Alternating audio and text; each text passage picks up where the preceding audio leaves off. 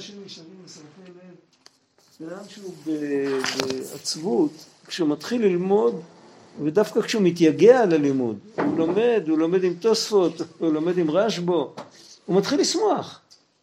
זה מציאות. לא כל כך ניסו את זה. אבל מי שכן ניסה את זה, אז אה, כי, כי בתורה יש חיות אמיתית, יש את החיות של הנשמה שלו. ואז הוא שמח, אפילו אם בגשמיות חסר לו קצת זה וחסר לו זה, אבל זה הכל דברים שכאילו בגללם הוא עצום, אבל זה הכל רק כאילו. הבגלל האמיתי זה בגלל שהוא רחוק מהשם יתברך. אבל זה, זה הנקודה של החיות ושל ה... ראה נתתי לפניך את החיים ואת המוות. וזה נקודה של ענווה, להרגיש שחיים, שהחיים שלנו הם אך ורק מאת השם יתברך, זה ענווה אמיתית. ענווה סתם, מה שאנשים קוראים ענווה, זה שבן אדם חושב שהוא לא כל כך מוצלח. וגאווה זה שהוא חושב שהוא יותר מוצלח. אבל זה עוד פעם, זה עוד פעם זיוף. זה לא הדבר, שניהם, הענווה היא לא ענווה והגאווה היא לא גאווה. אם בן אדם יודע שהוא מוצלח, אבל הוא יודע שהשם יתברך מוצלח, לא הוא מוצלח. כאילו השם יתברך ברא יצור מוצלח, והוא בורא אותו כל רגע, והוא בוחר כל רגע שימשיך להיות מוצלח, אז הוא לא מתגאה. ואם בן אדם אה, אה, חושב שהוא לא מוצלח, אבל הוא מייחס לעצמו משהו, אז, אז הוא מתגאה.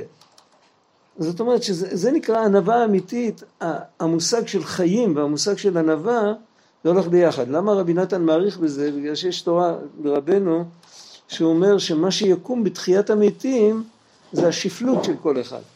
זה שהוא מרגיש שהוא עין ואפס, הוא אך ורק קשור להשם יתברך ואין לו מעצמו כלום, זה הדבר הזה יקום לתחיית המתים. כל היתר לא יכול לקום לתחיית המתים, כי לתחיית המתים זה יהיה עניין של אמת. מה שלא אמיתי יימחק מעצמו שם, כמו שהחושך נמחק מתי שמגיע האור. אין, אין לזה סיכוי לשרוד. אז אם בן אדם כבר עכשיו, הוא יכול כבר עכשיו לבנות את האישיות שתקום לתחיית המתים. איך בונים את זה? בזה שיודעים שכל מה שיש לנו זה אך ורק מאת השם יתברך. באיזה אופן שלא תהפוך את זה, גם, גם בן אדם שבוחר ועושה ומתייגע, אז מי שנתן לו את הכוח לבחור, הקדוש ברוך הוא בוחר כל רגע שאנחנו נוכל לבחור. אם הוא יבחור אחרת, אז אנחנו לא נוכל לבחור. הוא בוחר כל רגע שיהיה לנו כוח. הוא בוחר כל רגע שנחיה. מה פירוש הוא בוחר? כל מה שהוא עושה הוא בוחר, כי הוא היחיד שבוחר באמת. אין אף אחד שכופה אותו. אז הוא בוחר. לא. יש שתי אופציות. אתה, אתה אומר הוא רוצה, אז יש לזה קונוטציה שלילית, כי לרצות זה כאילו שחסר משהו. שגורם את הרצון. זה חוסר, זה חסר, חיסרון, רצון מראה על חיסרון. אם אני אומר הוא בוחר, זה לא מראה על חיסרון. בשביל זה, בזוהר, בזוהר הוא משתמש לפעמים, לא תמיד, במקום רצון הוא משתמש ברשות. רשות לא מראה על חיסרון, רצון. אז זה גם אותו דבר. יכלתי להגיד גם, השם רוצה שתבחר. אבל האמת היא שהשם בוחר בכל רגע שהבחירה שלנו תימשך, אחרת הבחירה שלנו הייתה מפסיקה. זה שיש לנו בחירה זה לא מובן מאליו. אנחנו לא, לא יצרנו את עצמנו, וזה לא מובן מאליו שיש לנו בחירה. אנחנו מאמינים שהשם בוחר בזה שיהיה לנו בחירה.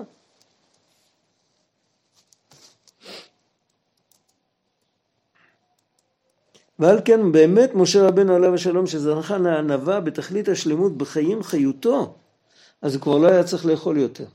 כי לא היה מלובש בדרך הטבע כי הוא זה. לא היה צריך, הוא לא היה צריך להשתתף עם ההסתרה. על כן לא היה צריך אכילה כלל.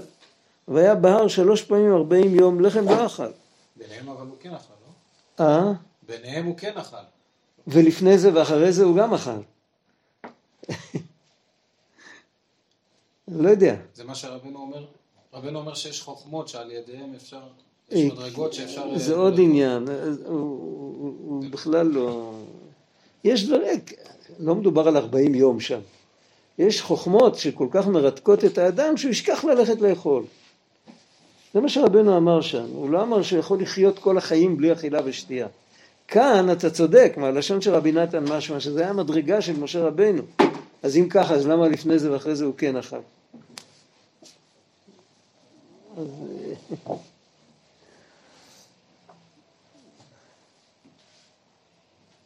יש הרבה שאלות ש... שבני אדם, אה, איך אומרים, אה, בתנ"ך יש הרבה צדיקים שעמדו מול המלך הגוי, משה רבנו, כשעמד מול פרעה, הוא היה יכול, היה יכול לעשות לו מה שהוא עשה למצרי שהיכה את היהודי שם. כתוב שהרג אותו בשם המפורש. רק הוא הבין שיהיה יותר כבוד שמיים אם פרעה בעצמו בסוף יבוא ויגיד קומו צאו מתוך עמי. ואותו דבר כל אלה, המן, אה, מרדכי יכל לעשות עין ואפס מהמן ונחמיה יכל לעשות עין ואפס מהמלך הפרסי ולא לעמוד לפניו כעבדקה ממרא ולבקש רשות ל- ל- ללכת לארץ ישראל וכל, ועזרא אותו דבר וכל ה... במשך כל הדורות, אליהו ואלישע, הם עשו ניסים ונפלאות ו- וכתוב על אליהו שהוא רץ לפני המלך לכבודו, יש שם סיפור. אחרי, ש... אחרי השם הוא האלוקים שהוריד את הגשם, שאיזבל רצתה להרוג אותו. אז עוד לפני שאיזבל שלחה לו שהוא רוצה להרוג אותו, אז הוא רץ לפני אחאב לתת כבוד למלכות. מה, מה העניין בזה? יש עניין של לשתף פעולה עם דרך הטבע, ו, ולמרות שבעצם אפשר גם אחרת. אז יכול להיות שזה הסדר, הסדר הוא שצריך לאכול. בשולחן ערוך כתוב שצריך, יהודי צריך לאכול, אז, אז הוא אכל. אבל בעצם יכל לחיות גם אחרת. וכשהוא היה בהר אז התגלה הנקודה האמיתית שלו, כמו שאומרים. ככה אפשר להסביר. זה לא, זה לא מספיק, זה לא מספיק עמוק, כמו שהסברתי עכשיו. זה, זה מה שעלה לי במוח. מי שיודע להסביר את זה יותר טוב מוזמן. מה היה הסיפור עם רבי נתן? שמישהו רדף אותו, ואחד התלמידים שלו אמר לו... תעשה איתו משהו. אז הוא אמר שרבנו לא מרשה. רבנו לא הרשה לי לעשות. כן. כן. מה הנקודה? כשאדם מקושר בתכלית שורש החיים, של, אז הוא, יש לו נקודה של ענווה וזה החיות שלו, אז הוא לא צריך חיות חיצונית? אין לנו השגה בזה. אם זה בשלמות, אז, אז כנראה, גם כשזה לא נמצאים במדרגה הזאת, אז החיות היא לא באמת חיות חיצונית. זה ברור. החיות לא באה מהלחם. מהלחם, מה שבא מהלחם נטו בא פסולת. הבן אדם חי על, על האנרגיה שיש בלחם, והאנרגיה הזאת היא נראית לנו אנרגיה פיזית, שאפשר למדוד אותה עם קלוריות ועם כוחות סוס, עם כל מיני, אבל המהות הפנימית שלה זה כוח רוחני. וגם המהות הפנימית של הלחם, של, ה, של הלחם עצמו הוא גם מהות רוחנית. ומכל זה הבן אדם חי. וזה אפילו אם הוא לא בכלל לא יודע את זה, אפילו אם הוא גוי, אפילו אם הוא בעל חי, הוא חי רק מהרוחניות. וזה שהוא צריך לאכול זה כי החיות הרוחנית הזאת נמצאת בתוך האוכל ובלי, אם הוא לא יאכל את האוכל, הוא לא יוכל לקבל את החיות הרוחנית הזאת. עכשיו, למה זה נמצא בתוך האוכל והוא לא יכול לקבל, בלי זה הוא לא יכול לקבל? כי הוא לא, אין לו את הגישה לרוחניות, היות שהוא בעצמו מלובש בגוף. אז אין לו את הגישה לרוחניות נטו הצרופה שלא מלובשת בתוך דבר גשמי. מה שאין כן אם הבן אדם הגוף שלו לא מסתיר עליו, אם הגוף לא מסתיר עליו, אז יש לו גישה לרוחניות למרות שהוא מלובש בגוף. כי לא זה מה שמפריע, זה שהוא נוכח בתוך גוף, אלא זה שהגוף מסתיר עליו, אז, אז זה לא המדרגה שלו לפגוש את הרוחניות ככה. אבל אם הגוף לא מסתיר עליו, הוא פעל בתוך עצמו שהגוף לא יסתיר עליו, אז הוא יכול לגשת לחיות הרוחנית לא דרך משהו גשמי. אז הוא יכול לקבל את החיות ישר מהאותיות של התורה. יש את המעשה מלחם, היום הרי הדפיסו את הכל, פעם היה על זה איסור הדפסה. ראית את זה פעם? לא נראה לי. לא. שמעת על זה. אני לא יודע, מה נשמע, אני זוכר. הרב שיק הקפיס. רבנו מספר שהיה פעם צדיק, שהיה נכד של צדיק גדול, כנראה הוא מדבר על עצמו. והוא ביקש מהקדוש ברוך הוא, מה הוא ביקש? מי זוכר? מי זוכר? הוא ביקש משהו שהאכילה שלו תהיה כמו אכילת המן או משהו בקדושה לגמרי. אה, אתה זוכר? נו, הזקן מה? של- הזקן שלו בא ואמר ש... ש... כן, שהוא צריך לאכול כך וכך כדי שהוא יקבל את ה- כדי שהוא יקבל את... את התורה, משהו, גם לא זוכר. כן, איזה זה מדרגה, הוא צריך לאכול בא- בקדושה לגמרי. בקיצור, בסוף הסיפור, הוא רואה שהוא הוא אוכל לחם והוא רואה שכל מה שהוא אוכל זה אותיות. ככה נגמר הסיפור. סיפור שצריך טוב להבין אותו, זה, זה, זה, זה בעצם היה, זה היה, אמור להיות, זה היה אמור להיות חלק מהחיי מהר"ן, אבל השמיטו את זה בדפוס. ובסוף מישהו מישהו הדפיס את זה, אני לא יודע, על אחריותו. אבל על כל פנים, מה רואים שם? וכתוב שם שעשה אה, כמה מאמצים עד שהוא זכה לעניין הזה. זאת אומרת, אם בן אדם מזדכך לגמרי, אז הוא יכול לראות בתוך ה... הוא, י- הוא, י- למרות שהוא מלובש בגוף, אם הגוף לא מסתיר עליו, אז הוא יכול לראות שני דברים. קודם כל הוא יכול לראות בתוך הלחם את הרוחניות, והלחם לא מסתיר, ויכול להיות עוד אחרת שהוא לא צריך את הלחם בכלל. ועל זה הוא מדבר כאן, רק על זה הוא מביא דוגמא את משה רבנו בעצמו. אז בסדר. זה לא עניין של לנסות לעשות את זה. אין כאן עניין כזה, זה לא, לא זה הנושא. הנושא כאן זה אכילה בקדושה.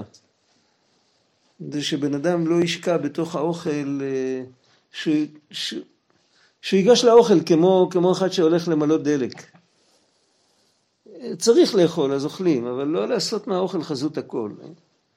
יש אנשים משוגעים שהם אוהבים את הריח של הדלק. אנחנו כולנו משוגעים כאלה, אוהבים את הריח של האוכל. זה הדלק. שבת קצת יותר דומה לזה. שבת זה סיפור. אחר, לא מדובר על שבת. לא.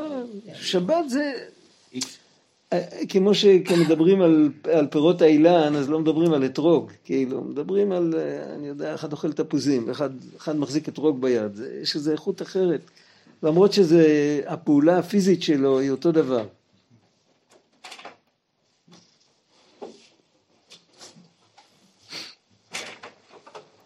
כי כל חיותו היה חיים אמיתיים שהם חיים נצחיים שהם לעתיד שהם ענווה אמיתית וכאן נזכר לי אבל, אבל שאר בני העולם צריכים לאכול כדי להמשיך חיות. ועיקר החיות הנמשך על ידי אכילה נמשך משורש החיים גם אצל שאר בני אדם. לא רק אצל, ה, אצל הצדיק הגדול. הכ- הכל נמשך משורש החיים שהם חיים נצחיים של העתיד שהם ענווה אמיתית שהוא בחינת עין. ויש לזה רמז גם בפעולת האכילה הפשוטה, מה שאנחנו עושים, כי למעשה כשאנחנו אוכלים, אנחנו משמידים משהו. אנחנו מכלים אותו. ודרך זה אנחנו, זאת אומרת, אנחנו מפרקים, מפרידים בין הגוף לבין הכוח שיש בתוך הגוף. את הכוח אנחנו מנצלים ואת הגוף אנחנו פולטים החוצה. כי האכילה היא שהוא מכלה המאכל לגמרי. ועל ידי זה מברר ממנו פנימיות חיותו, שהם הניצוצות הקדושים שבתוכו, שהם רוחניים לגמרי, שהם בבחינת עין. כי באמת אין האדם ניזון מגשמיות המאכל כלל, כי הגשמיות נעשה ממנו פסולת גמור ונדחה לחוץ לגמרי. רק עיקר חיותו הוא מחיות המאכל. זה לא רק האדם, גם בעלי חיים ככה. עיקר החיות שלהם זה מהפנימיות. רק אנחנו לא צריכים להיות כמו הבעלי חיים, אנחנו צריכים ל... ל... כן לדעת מי מחיה אותנו. כי כך חיותו ומחיות המאכל שהוא בחינת עין, בחינת ענווה, שהוא בחינת חיים נצחיים, שמשם שורש החיים. ומי שאוכל בבחינה זו בלי שום תערובת פסולת, בוודאי הוא חי לעולם. זאת אומרת, זה יכול להיות אחרי שיתקנו את החטא של ביום אכולך ממנו מות תמות. אחרי זה אפשר להגיע לזה. עכשיו, אפילו אם בן אדם מצד עצמו הוא, הוא בשלמות כזאת, אבל הוא לא יכול להגיע לשלמות הזאת כי, כי זה שלמות בעולם, זה לא שלמות באדם. העולם ירד בדרגה. והאדם הוא חלק מהעולם, אז כחלק מהעולם הוא לא יכול להגיע למדרגה הזאת, זה לא משנה, זה כמו שבן אדם, אה, נגיד כתוב על רשב"י שהוא היה בזמנו, הוא היה כבר רך אורבן, אבל הגלות לא הסתירה עליו, היה לו את כל הגילויים כמו בזמן הבית. אבל בפועל להקריב קורבן, אסור, לה, אסור היה לו, כי קורבנות צריך להקריב דווקא מתי שיש בית מקדש. למרות שהמדרגה הרוחנית שלו, לא היה חסר לו בית מקדש, היה באותה, אותו גילוי אלוקות שהיה בבית המקדש, היה גם אצלו אחרי החורבן. אף על פי כן, היה לו אסור להקריב קורבן. למה? רבי צדוק אומר, בגלל שכלל ישראל היה בגלות, ורבי שמעון בר יוחאי הוא חלק מכלל ישראל, אז גם הוא באיזשהו מקום בגלות. למרות שהוא מצד העבודה הפנימית שלו, הפרטית שלו, אז הוא כבר לא בגלות, אבל בגלל שכולנו בגלות, אז גם הוא בגלות.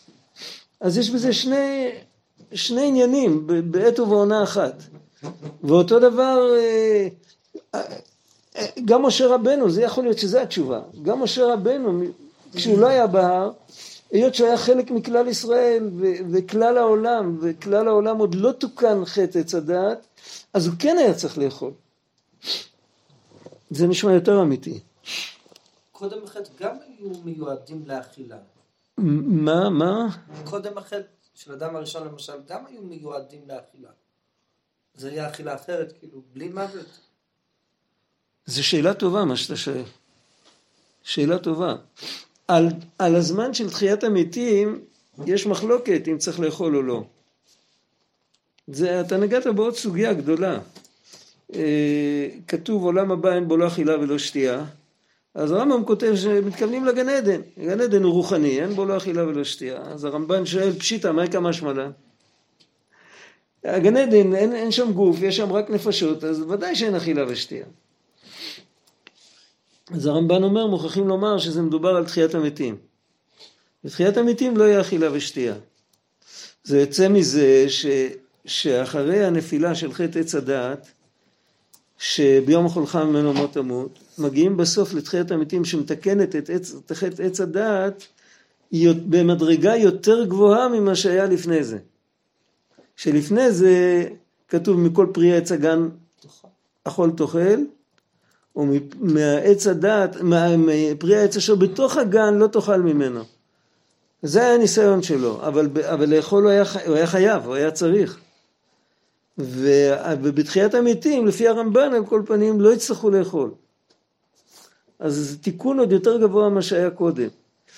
אז גם שם עדיין לא היה בתכלית, ואפשר להגיד, רבי נתן אומר, אני לא יודע אם זה נכון מה שאני אומר עכשיו, רבי נתן אומר במקום אחר, הוא אומר שכתוב שאדם, הלשונות שכתובים בספרי קבלה כנראה, לא יודע, זה לשון של קבלה, הוא אומר שאדם הראשון נברא לתקן את העולם, ו, ואם הוא היה מתאפק ולא אוכל מהעץ, אז הוא היה מתקן את העולם. ורבי נתן שואל, מה פירוש לתקן את העולם? מה יש מה לתקן?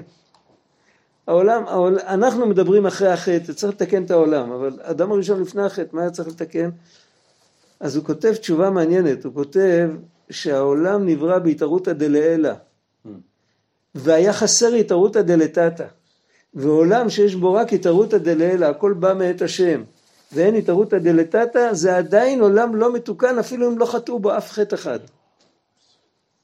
והתיקון היה התערותא דלתתא, ואיזה התערותא דלתתא נתנו לאדם הראשון? נתנו לו מצווה. נתנו לו מצווה, שלחו לו את היצר הרע שיפטר אותו, את הנחש. והנה יש לך התערותא דלתתא, אם אתה מתגבר על היצר הרע, זה התערותא דלתתא שלך, ועם זה הוא היה מתקן את העולם, ואת זה הוא הפסיד.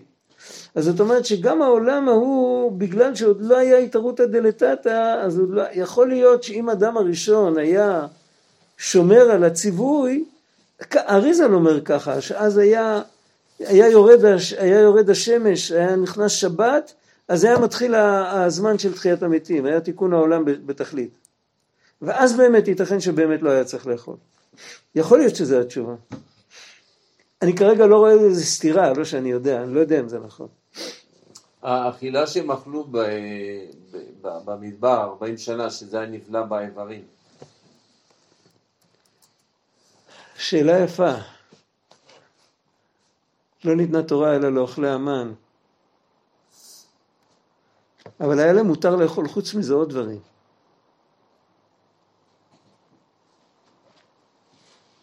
והאכילה הזאת היה באמת אכילה אחרת.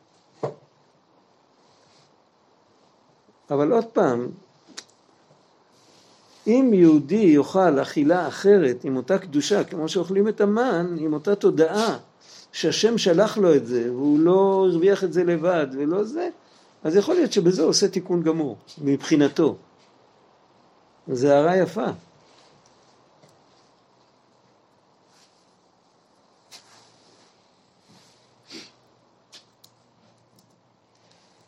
בבחינת ואכל וחי לעולם, עכשיו הוא אומר זה לא רק לעתיד לבוא, זה לא רק אחרי תחיית המתים, שהם הצדיקים האמיתיים שהם חיים וקיימים תמיד לעולם ואינם מתים כלל. כמו שאמרו רבותינו ז"ל, צדיקים במיתתם קרויים חיים.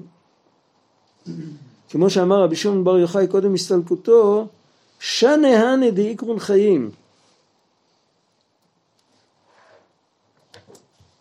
הם שונים מאחרים אחרים אחרי שנגמר, גומרים את הקדנציה, הם מתים. הצדיקים נקראים חיים גם מתי שהם שוכבים בקבר.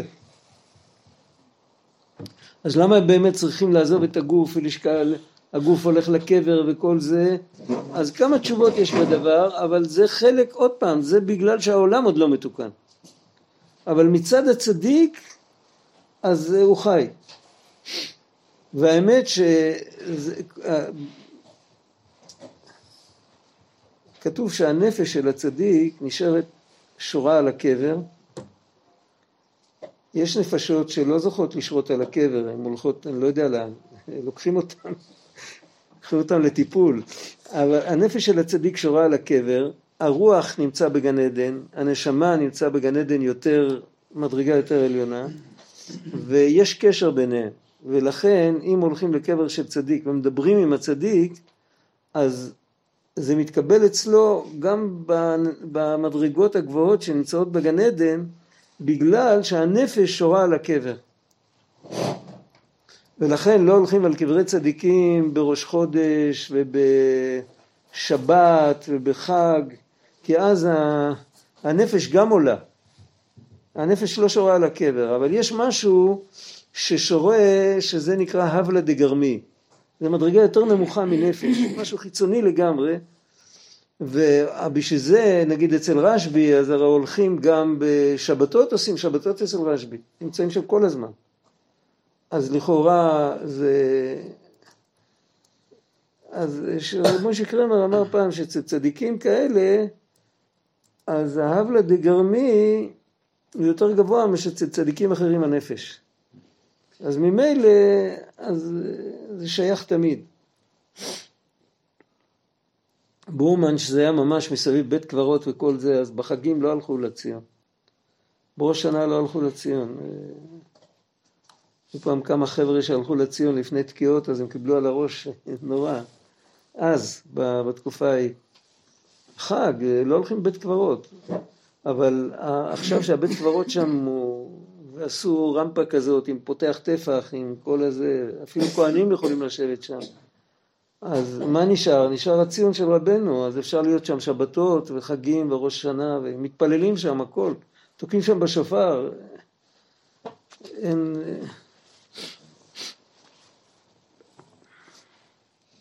אבל על ידי חטא אדם הראשון נתערבו כל הדברים. אה, אני לא, לא קראתי. וכמו שאמרו אבותינו ז"ל, יעקב אבינו לא מת וכולי.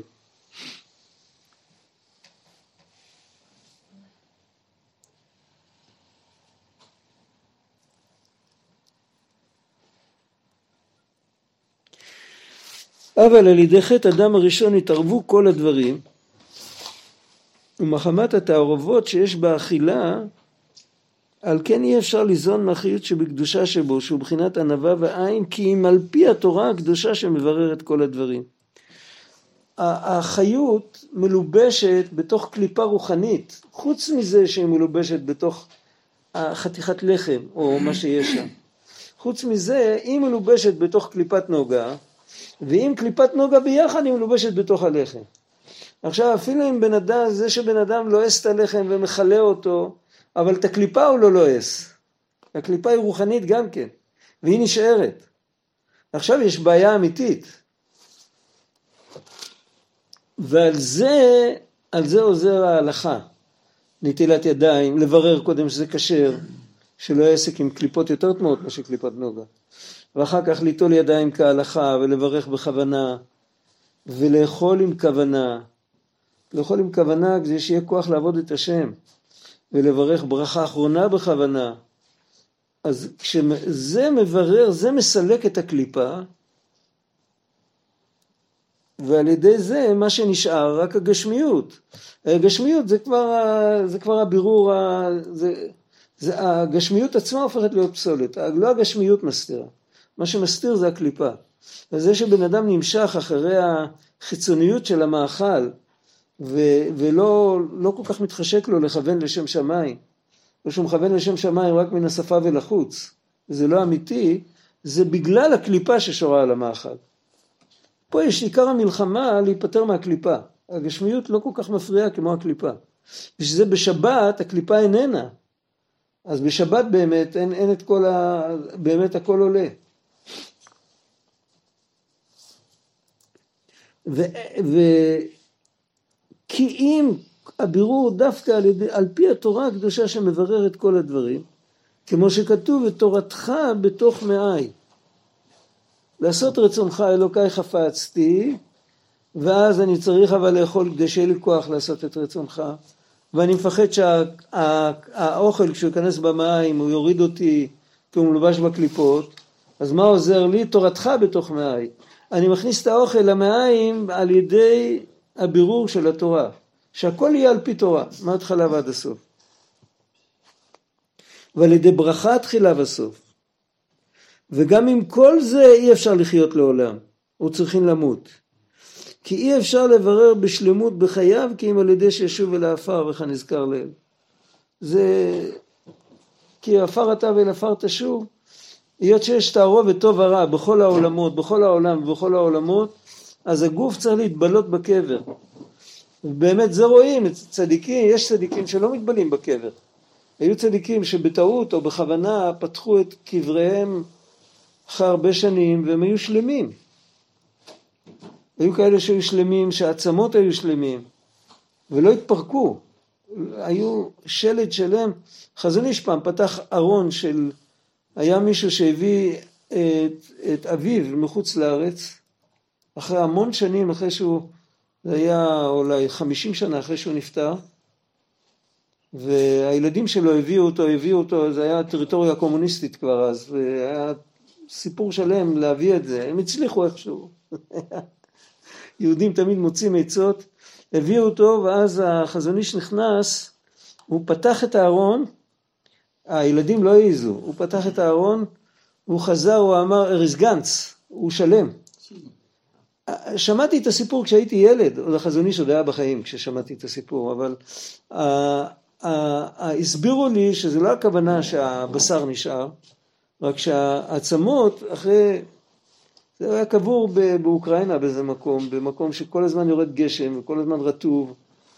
לא, גם העצמות לא נשארות, והרי שהן מתפרקות לגמרי, החיבורים נאכלים וכל זה. הבן אדם הזה היה שלד, כמו שאומרים, אה, אתה יכול לצלם אותו וללמוד איך נראה שלד. וזה היה צדיק, הוא היה צדיק נסתר היהודי הזה. והאחרים היה כאלה שהם אצל השדה חמד היה, ששודדי קברים פתחו את הקבר שלו עשרות שנים אחרי שהוא נפטר, הרבה עשרות שנים אחרי שהוא נפטר, הוא פתח עליהם זוג עיניים. ואז הם ברחו, הם השאירו את ה... סיפרתי את זה פה, מי זוכר? מי זוכר את הסיפור? אתה זוכר. כתב את זה יהודי, שהוא, זה היה בזמנו, הוא היה ילד בן עשר בערך, הוא גר בירושלים, ובאו החבר'ה קדישא מחברון, לשאול את הרבנים בירושלים, נסעו על חמורים, הם באו לשאול, אה, הוא קבור בחברון הרי, השדה חמד, באו לשאול איך, איך לבקש מחילה ואיך לסגור את הקבר חזרה, איך כאילו... אז, אז החבר'ה קדישא מירושלים עם כמה רבנים ועם עוד הרבה יהודים הלכו לחברון וראו את הפלא הזה. זה לא היה סיפור שאחד סיפר שקרה לו במדבר. ציבור שלם של יהודים ראה את זה, יש לזה עדות. והוא היה שלם עם הגוף, עם, ה, עם הבשר. הוא פתח על ה, על ה... חבל נאבד לי הספר, היה לי את הספר, ספר נקרא, אם מישהו יכול למצוא אותו ביד שנייה, זה רק במוזיאומים יש ספרים כאלה היום. זה נקרא על חומותייך ירושלים, השם של המחבר זה משה בלוי. הוא היה יהודי חשוב, יהודי עסקן ציבורי, הוא לא כתב אה, שטויות. הוא היה גם יהודי תלמיד חכם גדול. מי שלא מאמין לי, בדפים הראשונים של הספר, שיחפש את זה. יש שם את הסיפור. הסיפור חיים של השדה היה סיפור מיוחד. יכול להיות שזה קשור, אבל בכל אופן, בן אדם רגיל, אם, אם, אם נגיד ייקחו בן אדם רגיל ויזריקו לו איזה חומר שהגוף שלו לא יתפרק, הוא יפסיד מזה. הוא יפסיד את, ה, את הזיכוך של על תשוב. זה מזכך, זה שהעפר מתבלה בקבר זה לטובת הנפטר, זה לא לרעתו. זה ברור. אין שום עניין שהגוף יישאר בשלמות אחרי 120 שנה. מה, מה, מה זאת אומרת, זה לטובתו? לטובתו, כי אם יש משהו לא, זה שהגוף מתבלע הוא מזדכך על ידי זה. ואז נבנה בתחיית המתים גוף חדש שהוא מזוכח. ואז זה שבן אדם מזכך את עצמו עכשיו, אז הוא... כי, אז אם הוא... בן אדם זך בתכלית, הוא לא צריך לעבור את ה... את ה... אל עפר תשוב. אז, אז הגוף שלו, אבל...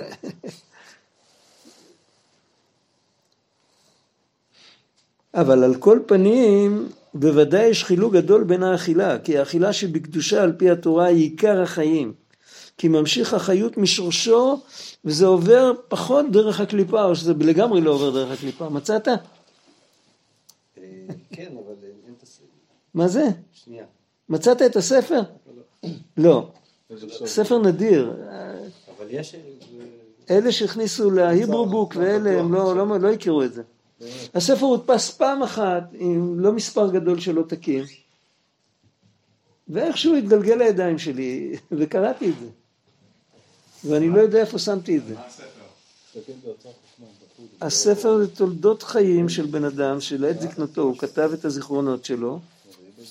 זה כתוב, השם המשני של הספר, אחרי על חומותייך ירושלים, כתוב זיכרונות חיי או פרקי חיי, משהו כזה. לעת זקנתו הוא כתב זיכרונות, והוא הדפיס את זה. ו... ובפרקים הראשונים, כשהוא מספר על ימי ילדותו, הוא מספר את הסיפור.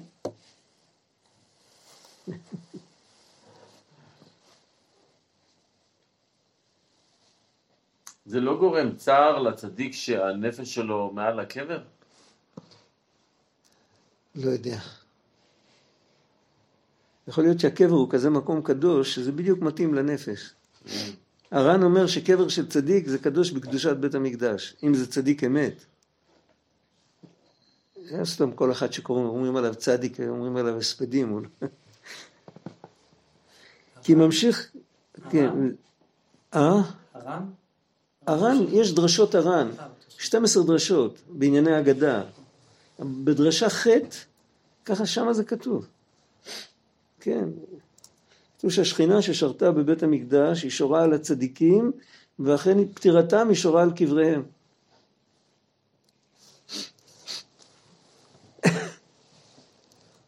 זה שהזכיר אדוננו מורנו ורבנו ז"ל לעניין אכילת דייקה עניין בושה.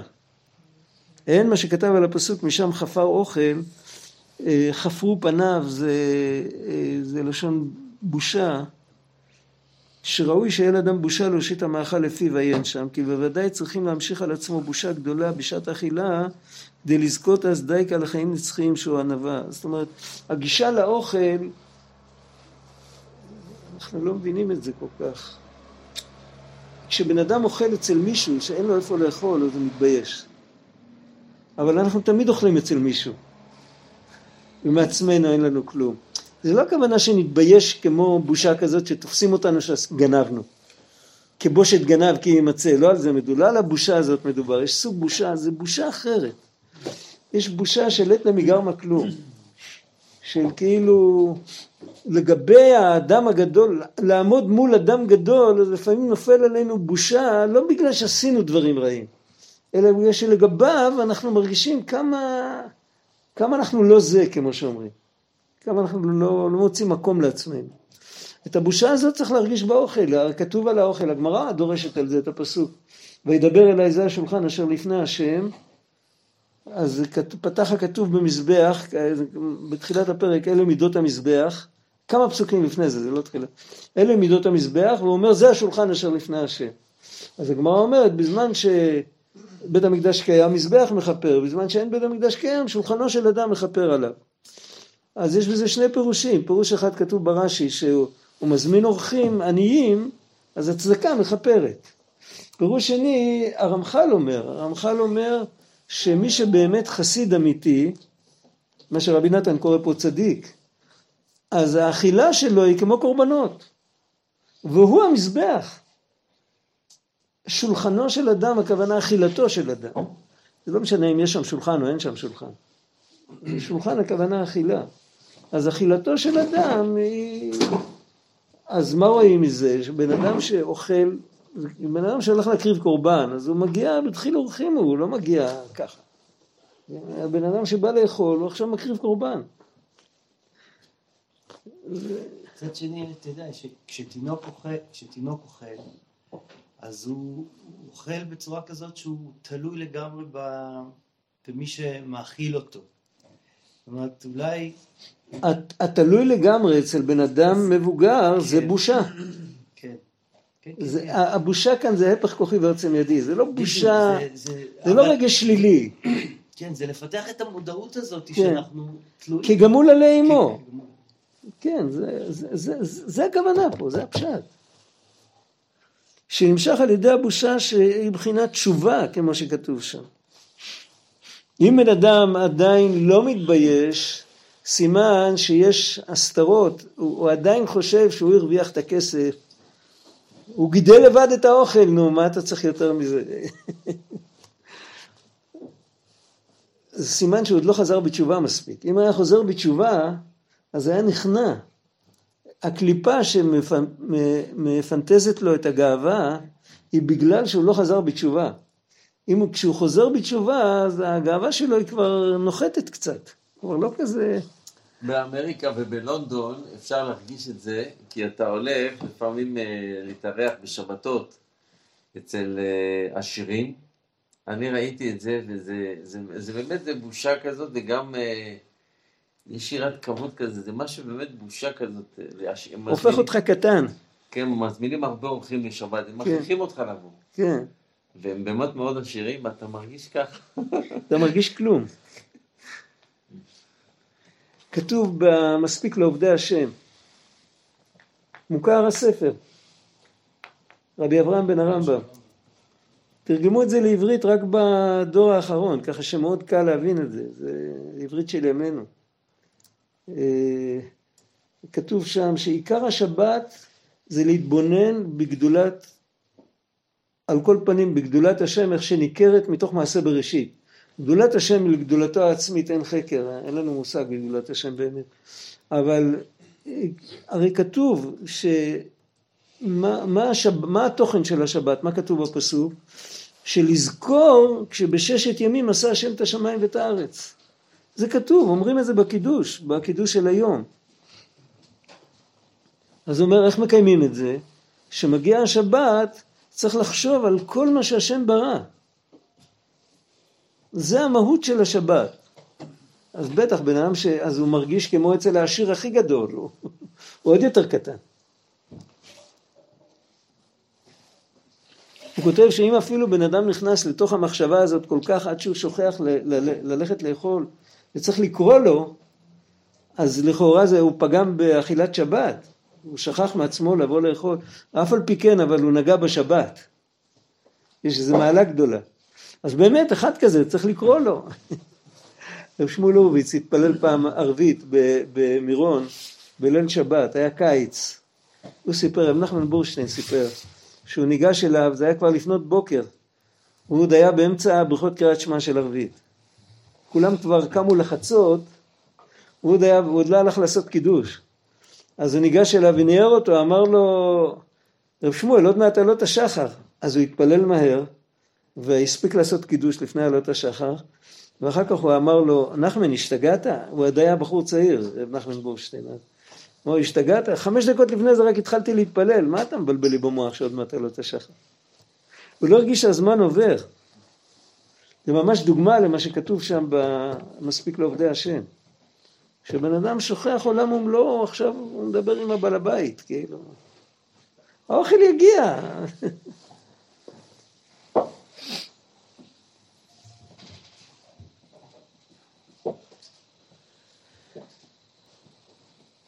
כי בוודאי צריכים להמשיך על עצמו בושה גדולה, זה ראינו. שנמשך על ידי הבושה של בחינת תשובה כמו שכתוב שם כדי להמשיך חיות לקדושה וכולי.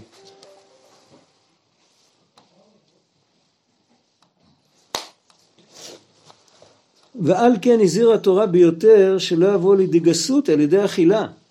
הצד ההפוך באכילה זה אם שוכחים מי נותן את האוכל. כמו שכתוב פן תאכל ושבעת ורם לבבך. כי כשאינו אוכל בקדושה על פי התורה אז אינו מעורר וממשיך חיים נצחיים הנ"ל. רק חיותו מהפסולת שהוא בחינת גאות ורום לבב שהוא חיות דסתרא אחרא. זאת אומרת, זה כל כך מלובש בקליפה, ודאי אי אפשר לחיות מהפסולת לבד. זה כמו שהווילון לא נותן אור. השמש מאירה, אז, אז דרך הווילון אתה מקבל אור. הווילון מצד עצמו, אם השמש תשקע, הווילון לא ימשיך להאיר. אז הקליפה אין לה חיות מצד עצמה. הקליפה, דרכה עובר חיות. אבל החיות שעובר דרך הקליפה, היא גורמת לך לחשוב שזה הכל. זה כמו, על כל פנים, אם, אם הווילון ייראה כמו מנורה, אז אתה תחשוב, אתה עוד לא ראית שהשמש שקעה ואין אור בווילון. אתה, יכניסו אותך לאיזה מקום, יפתחו לך את העיניים, יגידו לך מה אתה רואה, תגיד אני רואה מנורה. זה סך הכל וילון שדרכו עובר האור מהשמש, אבל בגלל שיש לו צורה של מנורה, הקליפה צועקת כוחי ועוצם ידי. אז אתה מאמין לה. אתה לא רואה מה מתחבא מאחורי זה. ולכן הבן אדם מקבל פסולת, לא שהוא באמת חי מהפסולת, אבל הוא מאמין שהפסולת מחיה אותו. הכל מדובר פה על, ה, על מה, איך הבן אדם מרגיש ואיך הוא חושב. האמת לא משתנית. תמיד האמת זה הוא לבדו ואין זולתו. אבל הבן אדם נמצא, המצב, המהות שלו היא תמיד טובה. לכן הוא יכול לחזור בתשובה. אבל המצב שלו הוא גרוע. כמו בן אדם שמאמין לשקר. האמת לא משתנית בגלל זה. האמת נשארת אותו אמת, לא משנה מה אתה חושב. אבל ההתנהגות שלך נפגעת, אתה מאמין באיזה שקר אז אתה עושה שטויות. זה יכול להזיק. זה ברור.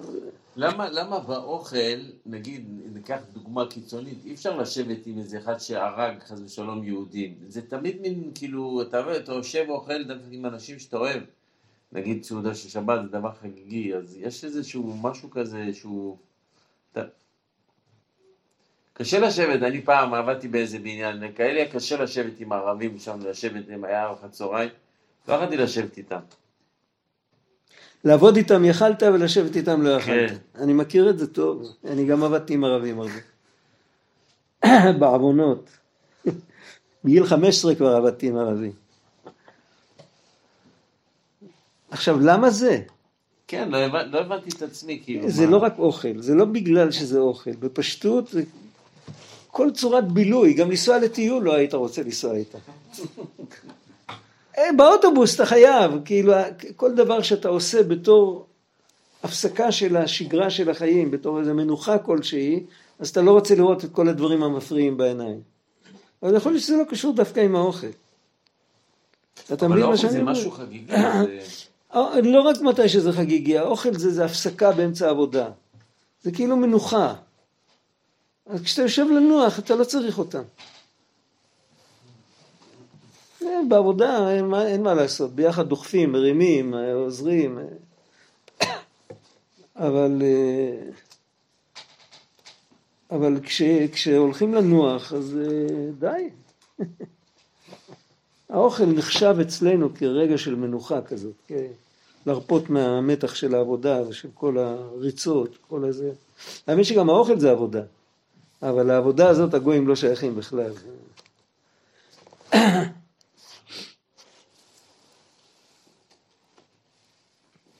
והתורה הזהירה באכילה בפרט לא לבוא לידי גסות. פן תאכל ושבעת ורם לבבך ושכחת את השם כתוב שם, כי כשאינו אוכל בקדושה על פי התורה, אז אינו מעורר וממשיך חיים נצחיים הנ"ל, רק חיותו מהפסולת. הוא מרגיש כמו אחד שחי מפסולת, שהוא מבחינת גאות ורום לבב, זה הפסולת, שהוא חיוד דסתרא אחרא, שהוא באמת מיתה. כי משם עיקר המיתה כנראה. לכן צריך למות בגלל שאנחנו מתגאים. איך אמר פעם מישהו, למה צריך להתחתן? כי מתים. אם לא היו מתים, לא היו צריכים להתחתן. על המשקל הזה הוא אומר, למה צריך למות? כי מתגאים. אם לא מתגאים, לא צריך למות. איך אפשר להכניע את הגאווה אם לא עם הידיעה שבסוף אנחנו הולכים לשכב מתחת לאבן שיש? ואם בן אדם כל הזמן חוגג עם גאווה, אז הוא מתרחק מהנקודה הזאת של הזיכוך. הוא בתוך, הוא בתוך, ה, הוא בתוך מוות, לא, הוא לא חושב, דווקא אחד כזה שלא חושב על יום המיטה, כל החיים שלו זה מוות אחד גדול. שזו מבחינת רשעים בחייהם קרויים מתים. אז הבנו עכשיו את כל המאמר חז"ל, גם את הצדיקים במיתתם קרויים חיים, וגם את הרשעים בחייהם קרויים מתים. שעל אכילה כזאת נאמר כי ביום החולך ממנו מות תמות. זה לא מה שעומד בגיל 930, אדם הראשון. באותו רגע. על דרך זה כתוב בספרים שמתי שבן אדם חוטא, הנשמה שלו מרגישה בגיהינום כבר עכשיו. היא מרגישה יותר גרועה מאשר בגיהינום, כי בגיהינום הנשמה מרגישה כמו שאנחנו מרגישים כשקודחים לנו בפה אצל הרופא שיניים. מרגישים לא נעים, אבל יודעים שזה לטובה. נשמה בגיהינום יודעת שזה לטובה, אבל כשנשמה, כשאדם חוטא, הנשמה שלו מרגישה כאילו שמישהו בא ומרביץ לו ולא לטובתו. לא יצא מזה שום טובה לנשמה מזה שהוא חוטא. החטא הוא מוות כבר עכשיו. רחמנא ליצלן, ועל כן צריכים בשעת האכילה להיזהר ביותר להמשיך על עצמו בושה הנזכרת, המפתח של כל ההלכה הזאת פה, שיהודי צריך לאכול עם יישוב הדעת. זה ברור? לא לאכול אה, בלי לחשוב קודם. לאכול אפילו דקה, אבל לדעת, הסיפור שסיפרנו על אותו קוצקר שהוא הלך ליטול ידיים, מוכר הסיפור. אתם זוכרים את הסיפור, כן. הוא שואל את עצמו, מה אני עושה? אני נוטל ידיים. מה זה נטילת ידיים? תקנת חז"ל. מי זה חז"ל? אלה שהעבירו את התורה. מה זה התורה? קיצור, הוא מגיע, מה, מהשאלות שלו, הוא מגיע לזה שהשם ברא את כל העולם, ולית מחשבה תפיסה ב... וכל זה, בגלל שהוא שאל את עצמו איזו שאלה קטנה, שהוא לא, לא רץ ככה ליטול ידיים.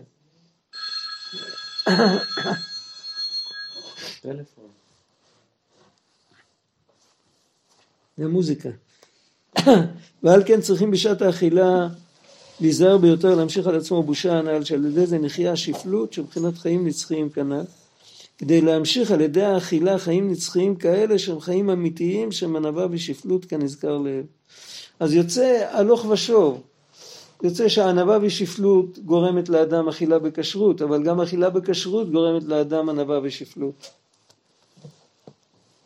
זה בחינת אכילת מצה ואיסור חמץ בעת יציאת מצרים, שהוא ביטול הגבולים והמצרים. מה זה יציאת מצרים? יציאת מצרים זה לבטל את המצרים, המצרים זה הקליפות. מי שבעצם הנוכחות של השם יתברך, מלכותו בכל משלה, בצורה ללא, ללא גבולות, הקדוש ברוך הוא בעל הבית עד הסוף, עד הסוף, לגמרי. הוא, הוא הנשמה של הכל. והקליפות מגבילים את הנוכחות של השם יתברך, שנרגיש אותה פחות, שזה לא יהיה דומיננטי כל כך, שזה יהיה פחות. פחות אהבה, פחות יראה, פחות אה, דרך ארץ, פחות אה, קשר, פחות דיבור, פחות כאילו כל הזמן הם מתחמים את זה, כאילו, אתה רוצה להיות דתי, תהיה בבית הכנסת. כי אלה, אלה שחטפו את הבת מלכה, הלא טוב, הלכו לשים אותה בהר של זהב במבצר של מרגליות. אז רבי אברהם ברבי נחמן אומר, זה, זה הר הבית, בית המקדש, שקריים מפנינים, מכהן גדול שנכנס לפני ולפנים, אז מה, אז מה זה כל כך רע? הם הכניסו את השכינה ל... אבל הם לא נתנו לה לצאת החוצה. השכינה בבית המקדש נטו, רק, בלבד. בכל העולם כולו אנחנו בעל.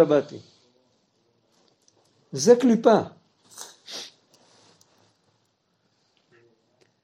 ויציאת מצרים זה ביטול הקליפות, זה ביטול הגבולים והמצרים, זה מלכותו בכל משל. זה כמו שחז"ל אמרו עתידה ארץ ישראל שתתפשט מבחינת חיים נצחיים כנ"ל, כי חמץ יש בו אחיזת הגאות ביותר. כי חמץ עולה בנפיחה שהוא בחינת גאות, שמעלה ומרומם את עצמו על ידי רוח גבוה שבקרבו. ומחמת שבפסח עדיין קודם קבלת התורה, הפסח הראשון היה לפני קבלת התורה, וגם כל שנה יש קבלת התורה בשבועות, ופסח זה הקדמה לקבלת התורה נוספת, מדרגה יותר גבוהה. אי אפשר להכניע הרוח הגבוה הזה, כי עיקר ביטולו על ידי התורה, שנמשכת על ידי איש אשר רוח בו, שהוא בחינת רוח אלוקים. את הרוח של הקליפה אפשר להוריד רק על ידי רוח אלוקים. ורוח אלוקים זה, זה, זה צדיק, זה מישהו, איש אשר רוח בו. עבדי כלב עקב הייתה רוח אחרת עמו. שהוא התנוצצות המוחין, מבחינת מעמלא אותו רוח אלוקים, מבחינת רוח אלוקים מרחפת על פני המים, שם החז"ל כותבים במדרש שהרוח אלוקים הזאת זה רוחו של משיח. זאת אומרת שבעצם הרוח אלוקים הזאת שייכת לה לעתיד לבוא. יש כמה צדיקים שזכו גם לפני הלעתיד לבוא לקבל רוח אלוקים כזאת. אבל בעצם זה הערה מלעתיד לבוא. ועל ידי זה מכניעים ומבטלים הגאות. זאת אומרת בעצם עיקר ביטול הגאות יהיה לעתיד לבוא. ונשגב השם לבדו ביום ההוא, כתוב והאלילים כליל יחלוף. והאלילים זה לא רק פסלים שעובדים אותם. כל הכועס, כל המתגאה, כאילו עובד עבודה זרה וכל זה. איך, זה, איך הם יחלפו? נגלה כבוד השם. ברגע שנגלה כבוד השם, אז כל הטענות שלהם לא רלוונטיות. כן, זה כמו... אידיאולוגיות. שקרן יכול לשקר אותנו כל זמן שלא רואים את האמת. אבל ברגע שיודעים את האמת, אז אה, כאילו...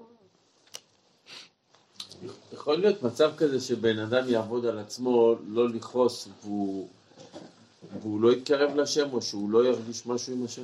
כך שמעתי, כמה שאתה אומר, כך שמעתי, אה, אמר לנו פעם יהודי חשוב, הוא אמר שכמו שבן אדם עושה תרגול על ספורט, ככה הוא יכול לעשות תרגול על uh, תיקון המידות וכל מיני כאלה, בלי עבודת השם, בלי כלום, ובסוף הוא יגיע שהוא לא יכעס, הוא ילמד להתאפק וכל זה.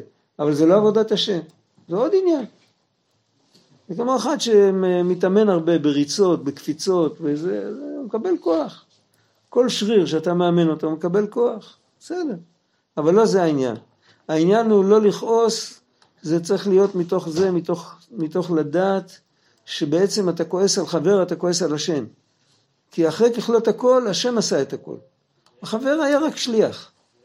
החבר, היה לו בחירה לא לעשות לך, אז הוא יקבל על זה, הוא צריך לחטוף על זה. אבל אתה, אם לא, אם לא החבר, היית חוטף מכה מהקיר. אז ממילא אין מה לכעוס. זה מגיע לי וזה מה שמתקן אותי וזהו. ואם הכעס נופל בגלל הדבר הזה, זה עבודת השם. אבל אם הכעס רק בגלל שבן אדם תרגל את עצמו לא לכעוס, או שעשה איזה תרגיל פסיכולוגי שכל הדברים שהרגיזו אותו עד היום מתחילים להצחיק אותו, או כל מיני דברים כאלה, הוא, הוא עלה בדרגה מבחינה מנטלית, אבל הוא לא התקרב לקדוש ברוך הוא, הוא לא עובד את השם, הוא עובד את עצמו. יש הרבה כאלה. מי שיודע, יודע. יש, יש עולם גדול כזה, עם כל מיני פטנטים כאלה, אבל הם עדיין בתוך הסוגיה של שכחת האלוקים, הם עדיין לא נזכרו בקדוש ברוך הוא. זה לא יכול להיות אה, תשמישי קדושה. לא שמעתי. זה לא יכול להיות תשמישי קדושה, כל הכלים האלה? אני באמת לא שמעתי. זה לא יכול להיות תשמישי קדושה, כל הכלים ותרגילים. אם צריך. אם צריך, יש לפעמים בן אדם שהוא צריך, הכלים שלו הם מאוד פרועים. וכל מה שהוא התבונן שהשם אה, הכל לטובתו וכל זה, אבל הכלים שלו עדיין עדיין קופצים לו הפיוזים, אז הוא צריך לעשות תרגילים כאלה כדי שהכלים ילכו בדרך, כמו, כמו לאפס את הנשק, או כמו לכוון גלגלים ברכב. אבל זה לא הדלק. אם זה הדלק, אם הדלק הוא שאני רוצה להצליח, הבנת את ההבדל? אז שם זה, זה לא, זה יכול להיות שאפילו מתרחק.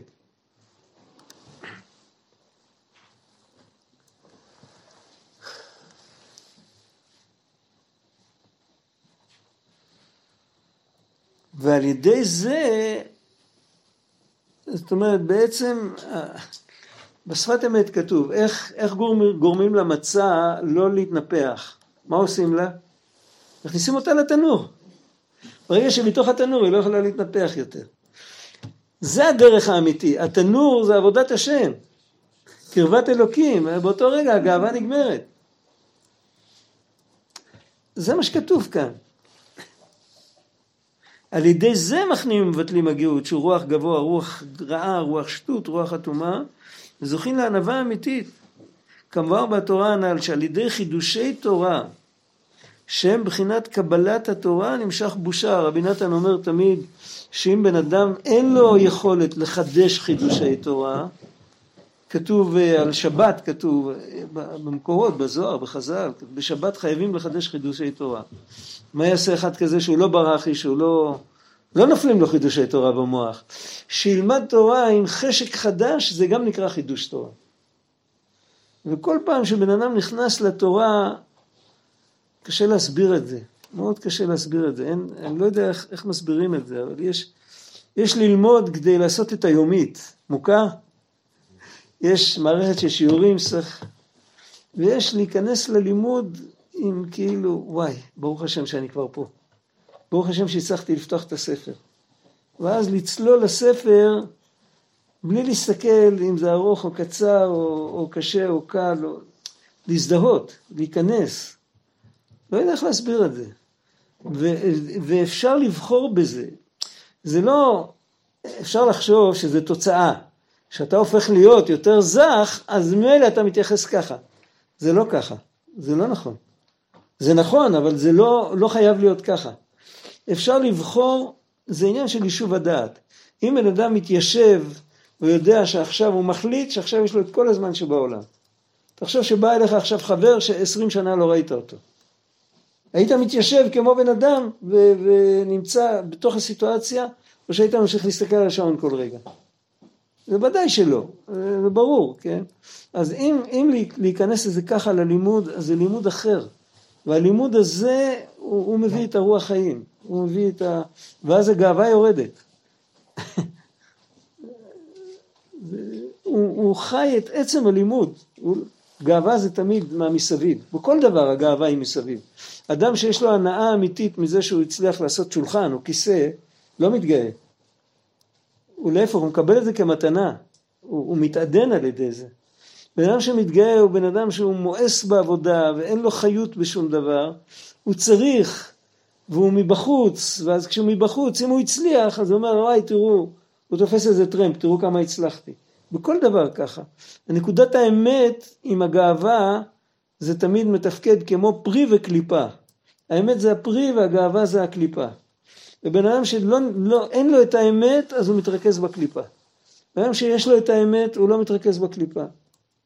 והאמת האמיתית זה התודה, הקשר עם הקדוש ברוך הוא, שקיבלתי מתנה, הצלחתי, קיבלתי מתנה.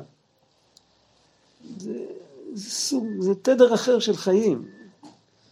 צריך לנסות, צריך להתנסות בזה, קשה להסביר את זה, אין, אין מילים בשפה בשביל להסביר את זה. אי אפשר להסביר דברים כאלה. נכנסים לגישה לתורה, זה, זה נובע מצד אה, האור של השם ששורה בזה, לא מצד החוכמה שלנו.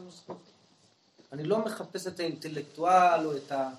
הלוואי, הלוואי, הלוואי שנגיע לזה. אני דיברתי על בן אדם שעוד לא שייך לדיבור הזה שלך. הבנת אותי? אתה צודק. ככה, ככה, באופן קלאסי ככה צריך להגיד. במקום להגיד את מה שאני אמרתי, צריך להגיד ככה. זה, זה מה שכתוב בספרים. הוא אמר שצריך לגשת לתורה עם, עם רגש חיובי לאור השם שיש בתורה ולא לשכל. השכל יחסית לאור השם זה כמו קליפה. זה, זה קליפה שומרת, אבל זה קליפה. זה, ככה, ככה כתוב בספרים וככה צריך להגיד את זה. אני אמרתי את זה אחרת. אמרתי את זה בצורה הרבה יותר נמוכה. גם בן אדם שעוד עדיין אין לו בכלל, הוא לא נמצא במקום הזה של להסתכל אם זה אור השם או זה שכל או זה. הוא לגשת לזה לא כמו עול שצריך לגמור מהר ולברוח, אלא כמו שפוגשים חבר טוב, חבר אהוב. אפילו שעדיין זה הדרך, הדרך להגיע למה שאתה אומר. זה כאילו, אם אין יישוב הדעת בכלל, אז, אז זה מילים ריקות, כאילו, כל אחד יודע שאור השם והשכל זה רק החיצוניות, אבל צריך לחיות את זה.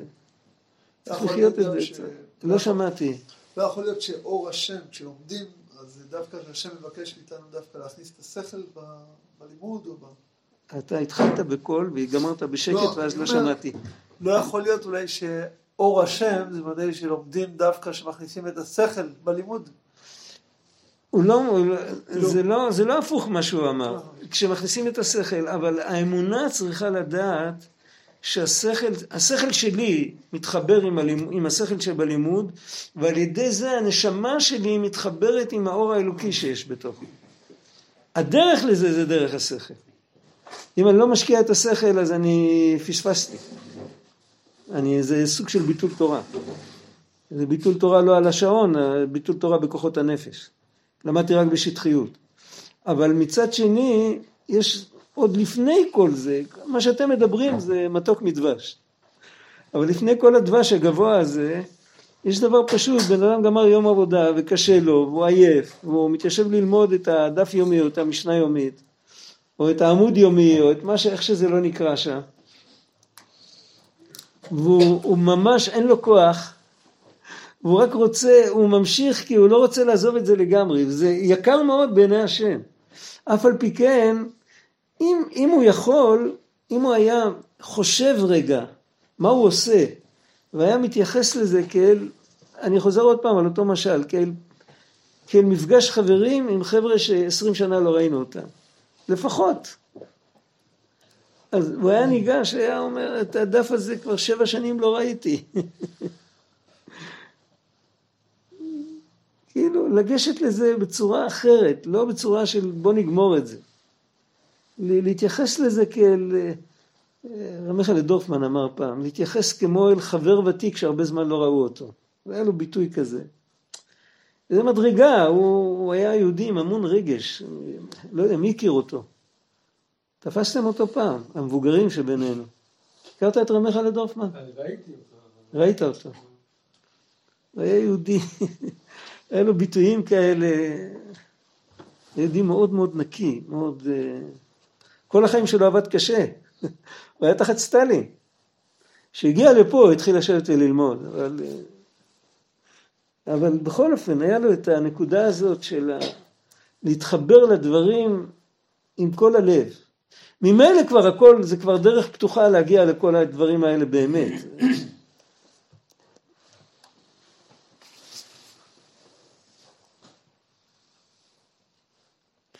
זה, זה בחינה של חידושי תורה, להתחדש, להיכנס לזה, לחיות את זה. שהם בחינת קבלת התורה, ומבואר בתורה הנ"ל שעל ידי חידושי תורה שהם בחינת קבלת התורה נמשך בושה ונחיה השפלות והענווה.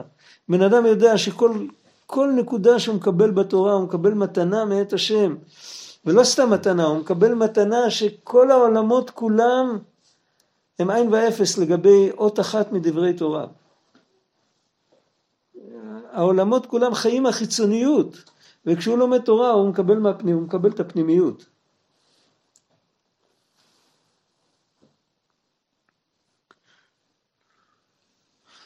זה ממילא, על ידי התורה אפשר להכניע את, ה, את, ה, את הקליפה ואת הזה, אבל בפסח, ואז אפשר לאכול גם לחם שיתנפח. זאת אומרת, אתה יכול לשבת עם, עם צלחת מלאה אוכל ולאכול טוב ולעבוד את השם עם האוכל הזה. אבל אם הבן אדם עדיין לא במדרגה הזאת, אז צריך להתנהג כמו בפסח. בפסח צריך אה, כאילו אה, להיות נוגע ואינו נוגע, כמו שה, שהלחם לא יתנפח יותר מדי, שה, שהאוכל לא יתפוס את כל, את כל העולם, שלא יסתיר את כל העולם. בפסח, בשעת יציאת מצרים, שאז עדיין לא זכינו לקבלת התורה, על כן צריכים אז להיזהר מאוד מחמץ שיש בו אחיזת הרוח והאוויר של עולם הזה ביותר, שעל ידי זה עולה בנפיחה, כי אז נאחז בה החמץ הרוח רעה הנ"ל, שהוא רוח גבוה, רוח הטומאה, מחמת שעדיין לא קיבלנו התורה שהיא הכנעתו כנ"ל. על כן צריכים לאכול מצה שהיא נאפת בחיפזון, קודם שמתחיל לשלוט ולהתאחז בעיסה הרוח והאוויר של זה העולם. וזה הוא ממשיך הלאה, אבל לא צריך להתפלל כבר. כן, את מה לא הבנת? רק מצד השקלא וטריא כאילו שיש פה ברבינת. עוד פעם, בפסח, מה? לא, לא הבנתי, בפסח, יש, כאילו, המחמיאים על בפסח, ידי התורה, פסח ובפסח מסמל. יש, בוא לא נדבר עכשיו על הלוח, נדבר על בני אדם. יש בן אדם שהוא כבר קיבל את התורה, יש בן אדם שעוד לא קיבל את התורה. מה פירוש? כולנו קיבלנו תורה לפני כך וכך אלפים שנה, אבל לפי הדרגה שאני הייתי אמור, נגיד שאני כבר בן כך וכך שנים, כבר אחרי בר מצווה, הייתי אמור כל שנה בשבועות לקבל את התורה ולקבל עוד חלק בתורה, עוד פן בתורה, עוד משהו. ועדיין לא קיבלתי את מה שהייתי אמור לקבל. עכשיו מצד זה שאני גודל וגובע גובע ושוקל וכל זה, אז יש כל פעם יצר הרע, יצר הרע מתחדש כל פעם, הוא לא מחכה לי. כדי להכניע אותו אני צריך עכשיו להיות בדרגה יותר גבוהה. הרע של אתמול יכלתי להכניע עם המדרגה של אתמול.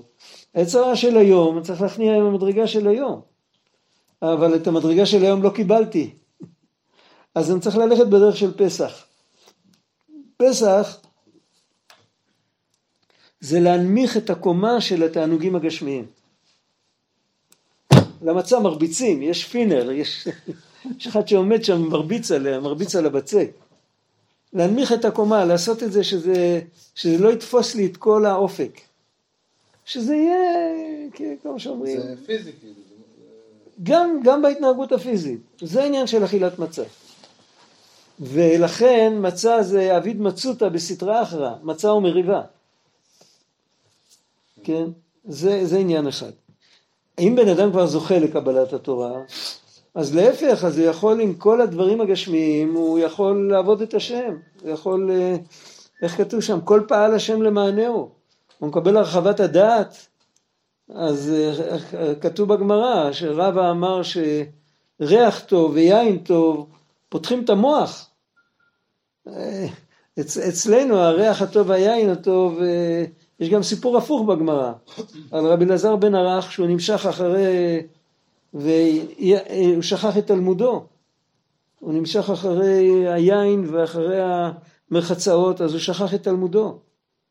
ואצל רבא כתוב שהיין והריח הם, אה, הם עזרו לו. כל אחד במדרגה שלו, איך ש... אם בן אדם כבר במדרגה הזאת שזה עוזר לו, אז זה עוזר לו. אם עדיין לא שם, אז יש דברים שצריך להימנע מהם. Not now please. כאילו, זה לא, זה לא מתאים עכשיו. לא לפי, זה כמו שבן אדם חולה. אם ייתנו לו לאכול מה שבן אדם בריא צריך לאכול, אז יכול להיות שזה יזיק לו. בן אדם חולה, אין לו תיאבון, הוא, הוא לא, יכול, לא יכול לקבל אוכל. אתה, אתה מאכיל אותו, אתה לא מאכיל אותו, אתה מאכיל את המחלה שלו. זה ברור. הוא צריך לנוח. או שייתנו לילד קטן, רבנו אומר, אם נותנים לילד קטן אוכל של מבוגר, הוא יכול למות מזה. ואותו דבר, אם ייתנו לבן אדם פשוט עבודות של צדיק, אז אה, לא את הסיגופים הוא יכול לסבול ולא את ההנאות הוא יכול לסבול, את שניהם הוא לא יכול לסבול. נלך להתפלל.